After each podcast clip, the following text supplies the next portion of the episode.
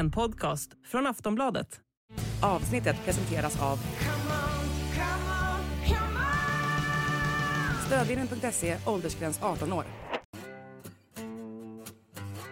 Graham Potter får sparken från Chelsea efter blott sju månader och är därmed andra tränaren den här säsongen som får lämna Londonklubben.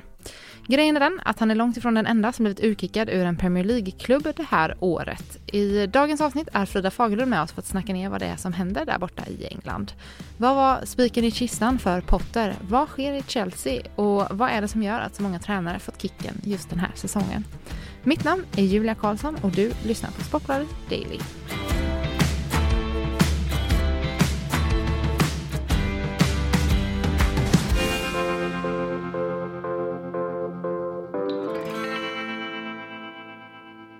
Frida Fagerlund, Graham Potter får alltså kicken efter sju månader i Chelsea. Vad är dina tankar på det här beslutet? Ja, jag har väldigt mycket tankar om detta. Ehm, det är väl en blandning egentligen. Alltså dels så kan jag känna sorg för Graham Potters skull. Jag eh, har alltid tyckt och tycker fortfarande att han är en fantastiskt duktig fotbollstränare. Och eh, ju mer jag få reda på vad som egentligen pågick i Chelsea under hans sju månader, desto mer så känner jag att han kanske inte hade kunnat göra så mycket mer än detta. När han klev in så hade han inte speciellt mycket erfarenhet, eh, sett till att han då inte hade tränat en stor klubb och det är väldigt stor skillnad på att träna Östersund och Swansea och, och Brighton då kontra att träna en klubb som Chelsea.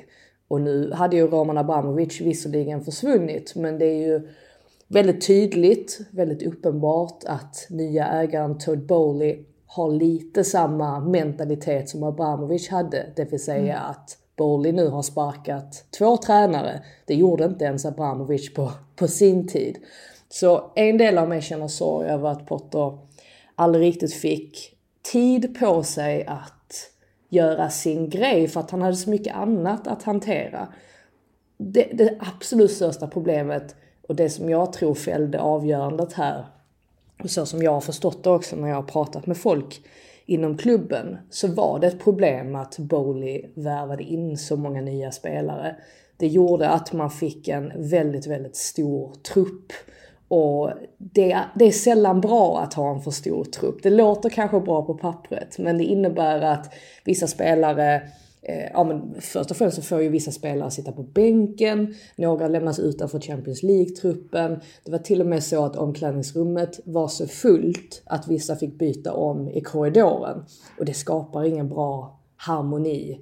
Och det gör också att spelare självklart då vänder sig emot Graham Potter om det är så att de inte gynnas av detta. Så att Potter hade allt det här att hantera mm. och att då försöka implementera sin filosofi och, och sitt sätt att spela på. Eh, det är dömt att misslyckas. Eh, så absolut Graham Potter, han, han misslyckades med sin session i Chelsea. Men han fick å andra sidan inte särskilt mycket hjälp på traven för att faktiskt lyckas. Mm. Vad var eh, spiken i kistan liksom för Potter? Och spiken i, i kistan var ju uppenbarligen förlusten hemma mot Aston Villa. Och det var lite samma gamla historia. Eh, det, det vill säga att Chelsea inte lyckades göra mål och så släppte man in ett rätt så, ja, rätt så taffliga mål bakåt. De har ju legat väldigt högt sett till expected goals då som ju är ett mätverktyg som vissa tycker jättemycket om att använda och som andra avskyr för att vissa menar då att men vad är grejen med att mäta expected goals? Det, viktigaste är ju att det blir mål och absolut, alltså det kan man väl köpa det argumentet. Men i alla fall, expected goals har visat att Chelsea borde ha gjort fler mål än vad man har gjort. Eh, och, å andra sidan så är detta ett problem som Chelsea har haft under väldigt lång tid. Alltså går man tillbaka till säsongen, vad var det, 2020, 2021 så blev Jorginho Ja, han vann interna skytteligan i Chelsea på åtta mål och han är alltså mittfältare och majoriteten av de målen var väl straffar om jag inte minns helt fel. Så att Chelsea har ju saknat en notorisk målskytt under lång tid. Man försökte med Lukaku och det gick inget bra under, under Tuchel och sen så plockade de in Aubameyang en vecka innan Tuchel då fick sparken. De hade jobbat väldigt tätt ihop och det var uppenbart att Potter och Aubameyang, de gick inte särskilt bra ihop. Aubameyang likade till och med en, ett inlägg om att Potter hade sparkats på sociala medier så att det signalerar vad han också tyckte. Så att Chelsea har inte riktigt hittat den där spelaren som man kan förlita sig på sett till mål då. egentligen ända sedan Eden Hazard var där. Mm. Så att det har varit ett väldigt långtgående problem. Och många av de här problemen i Chelsea har ju härstammat ja, från, alltså under en väldigt lång period som Tuchel också hade. För att man kan lätt glömma bort och tänka att ja, men Thomas Tuchel, varför sparkade de honom från första början? Han var ju så fantastiskt duktig och det är han. Tuchel är i mitt tycke en av världens absolut bästa fotbollstränare. Mm. Men han lämnade inte heller London med flaggan i topp. Utan de hade ju haft sina problem och åkt på sina förluster. Så att ja, det är mycket att eh, hantera för vem som nu än kommer in efter Potter och det är nog lättare sagt än gjort att försöka få, få ordning på allt detta. Potter hade behövt mer tid och det fick han inte så det är ju uppenbart att Todd Bowley känner att han vill ha valuta för alla de pengarna han har spenderat eh, och han känner väl då att det är större chans att det händer om han plockar in någon annan. Du var inne lite på det, det har ju varit eh, reaktionerna har inte riktigt varit nådiga mot eh, Graham Potter. Alltså finns det argument för att säga att han är den sämsta tränaren som Chelsea någonsin haft? ja, det är ju, det är väldigt, eh, det är väldigt hårt. Alltså Chelsea är ju en det är ju en speciell klubb som sagt. Om man går tillbaka till Roman Abramovic tid då framförallt så har ju, eller Abramovic filosofi var ju att man ska få snabba resultat och då är det bättre att, att sparka tränare kontinuerligt och, och spendera mycket pengar. Och det funkade under lång tid för honom. Det var jätteframgångsrikt. De vann ju titlar och, och även om de sparkade tränare ibland så gick det bra ändå. Som när Di Matteo, när, när han eh, som assisterande tränare ledde dem till eh, en Champions League-titel. Eh, eller när de plockade in Tuchel då efter Frank Lampard och Tuchel vann Champions League-titeln. Så att det funkade ju under, under lång tid. Men jag känner nu att att eh, det börjar bli svårare att göra på det sättet inom fotbollen i stort. Mm. Det räcker inte längre med att spendera jättemycket pengar. Om man tittar på Manchester City som, ja, de är ju visserligen i trubbel sett i Financial Fair Play, vi får se hur, hur allt det där slutar. Men å andra sidan så har de spenderat pengar på ett väldigt förnuftigt sätt. Alltså de har ju lagt upp det Alltså dels spridit ut det under många säsonger och, och insett att det kommer ta lång tid att, att bygga ett ett, eh, ja, ett storlag eller ett starkt varumärke som Todd Bowley är, är ute efter mycket. Han vill ju höja Chelseas marknadsvärde och det gör man genom framgång på planen. Och Newcastle försöker ju göra samma sak nu som Manchester City gjorde, det vill säga att ta det ganska så lugnt, plocka in några spelare här och där men inte bara spendera jättemycket pengar på en gång. Mm. Så att nu inser jag att jag svarar inte riktigt på frågan. Men ja, alltså Potter varade bara i sju månader. Han fick inte ut jättemycket under de sju månaderna. Å andra sidan fick han in en mängd nya spelare. Han hade ganska mycket oflyt också, i vissa fall med skador. Som Reece James och, och Chilwell som också var skadade under, under Tuchels era. Eh, och det, det märkte man väldigt tydligt att ja, det förstörde i mångt och mycket Chelseas sätt att spela på för att de har varit så himla viktiga där på kanterna. Och sen dessutom då att det, ja, Felix han fick rött kort i sin debut. Eh, alltså sådana grejer som gjorde att han var avstängd. Det är, det är mycket som har gått emot eh, Potter, men å andra sidan så det är inte jättemånga supportrar som kommer titta tillbaka på hans tid i Chelsea och, och tänka att Eh, ja, han, han, gjorde i alla fall det här bra. Det får man ju erkänna att det, det är inte, det är inte så jättemycket positiva aspekter att peka ut. Nej. Eh, sju månader är ju inte så lång tid heller. Hur ovanligt är det här att, eh, att en tränare bara är så kort tid? Ja, det blir vanligare och vanligare eh, får man säga. Det är ju vad blir det? Det är 12 tränare den här Premier League-säsongen som har sparkats. Mm. Och det är flest än, än, eller fler än någonsin. Mm. Så det indikerar ju ett par saker. Det visar dels att det är så mycket pengar på spel i Premier League och sett till var man hamnar, om man hamnar på en Champions League-plats eller utanför en Champions League eller om man åker ur ligan och åker ner till Championship. Det är så mycket på spel att klubbar uppenbarligen känner att de kan göra, eller att det är bättre att göra förändringar och eh, försöka hoppas på det bästa än att hålla fast vid, vid någon som, eh, ja, som har varit där under lång tid. Sen tittar man på tränareffekter, alltså hur mycket effekt får man av att sparka en tränare, så är det ju inte jätteofta som det blir en, en massiv effekt över tid. Alltså ofta så, eh, man pratar om den här eh, bouncen precis efter att man har fått in en ny tränare, så kanske man vinner en, två matcher eh, följande veckor, men sen så jämnar det oftast ut sig. Det finns ju ett par exempel som skiljer sig från det. Exempelvis nu Unai Emery som klev in och tog över Aston Villa efter Steven Gerrard. Han har gjort eh, det absolut fantastiskt och Aston Villa ligger faktiskt trea i tabellen om man räknar från när Emery klev in. Så det är uppenbart att de har fått en väldigt god effekt av att sparka Gerard.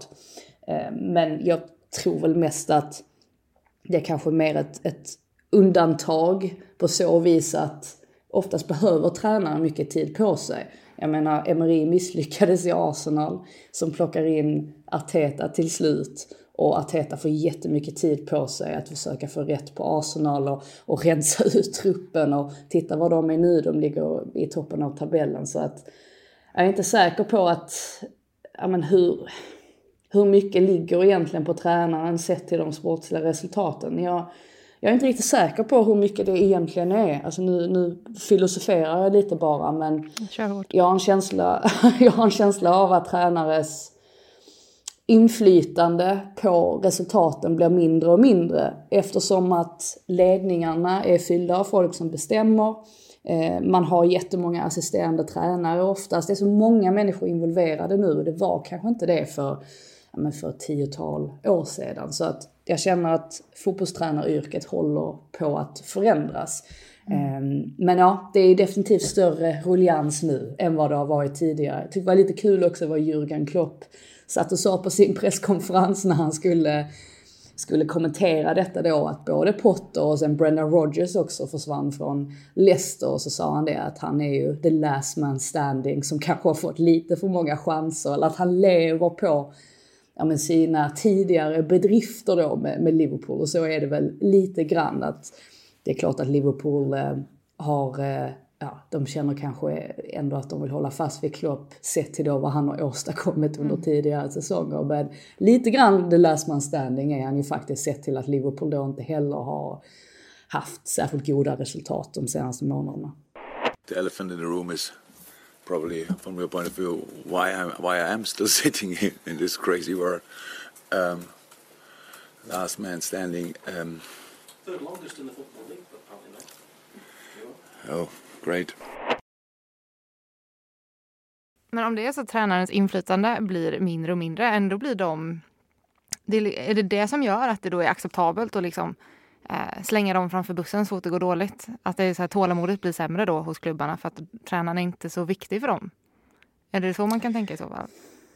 För samtidigt ja, är tränaren alltså, ansiktet nu. Nu, nu märker jag ju också att mitt...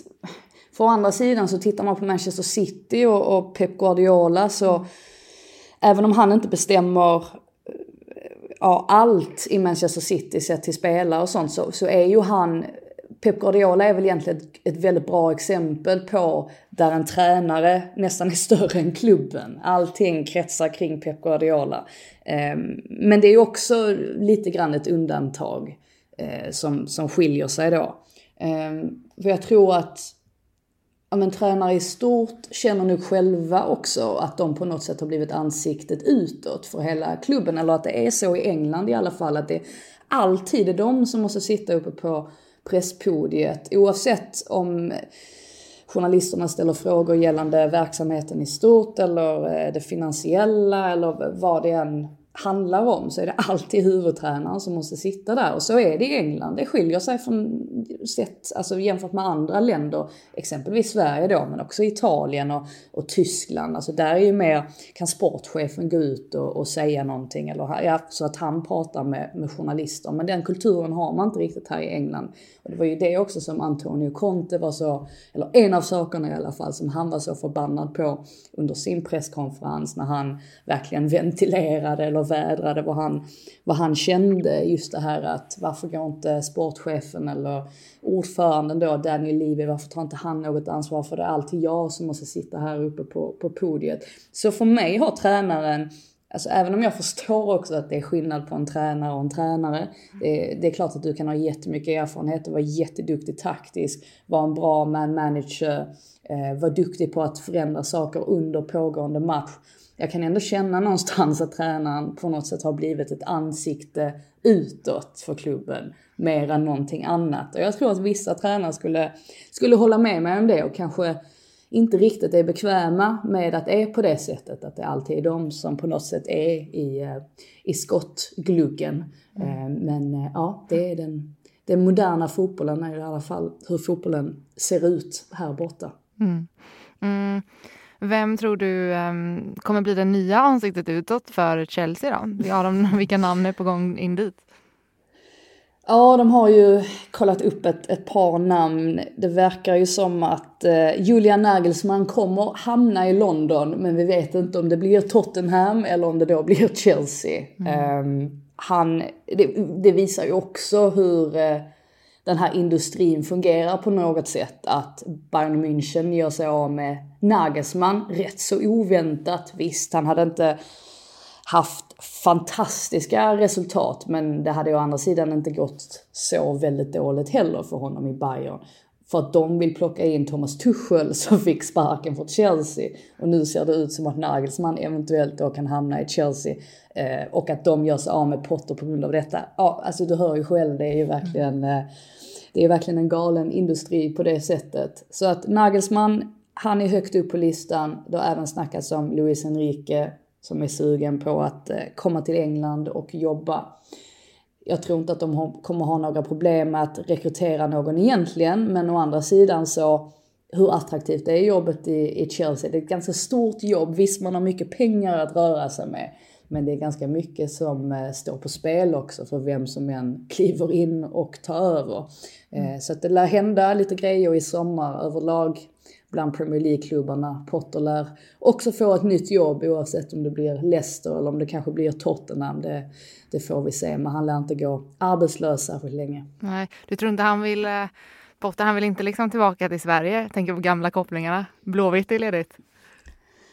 Ja, om Blåvitt kan betala 13 miljoner pund som han nu får av Chelsea så tror jag nog han kan lockas till, till Sverige. Det är sån det är sån stor skillnad rent ekonomiskt mellan allsvenskan och Premier League så att eh, jag tror tyvärr att eh, Graham Potter är, är förlorad. Jag, jag tror fortfarande att han en dag kommer ta över efter Gary Southgate som Englands förbundskapten. Jag tror det står mellan honom och Eddie Howe som mm. ju går starkt nu i Newcastle. Jag tycker nästan att Potter och Eddie Howes karriärer, de de är ganska, de påminner väldigt mycket om varandra också så att jag tror absolut inte att detta är, är slutet för Potter. Jag tror snarare att han har lärt sig väldigt, väldigt mycket de här eh, senaste sju månaderna. Mm. Mm, och med det säger vi tack Frida för att du ville vara med i Sportbladet Daily. Tack själv. Du har lyssnat på en podcast från Aftonbladet. Ansvarig utgivare är Lena K Samuelsson.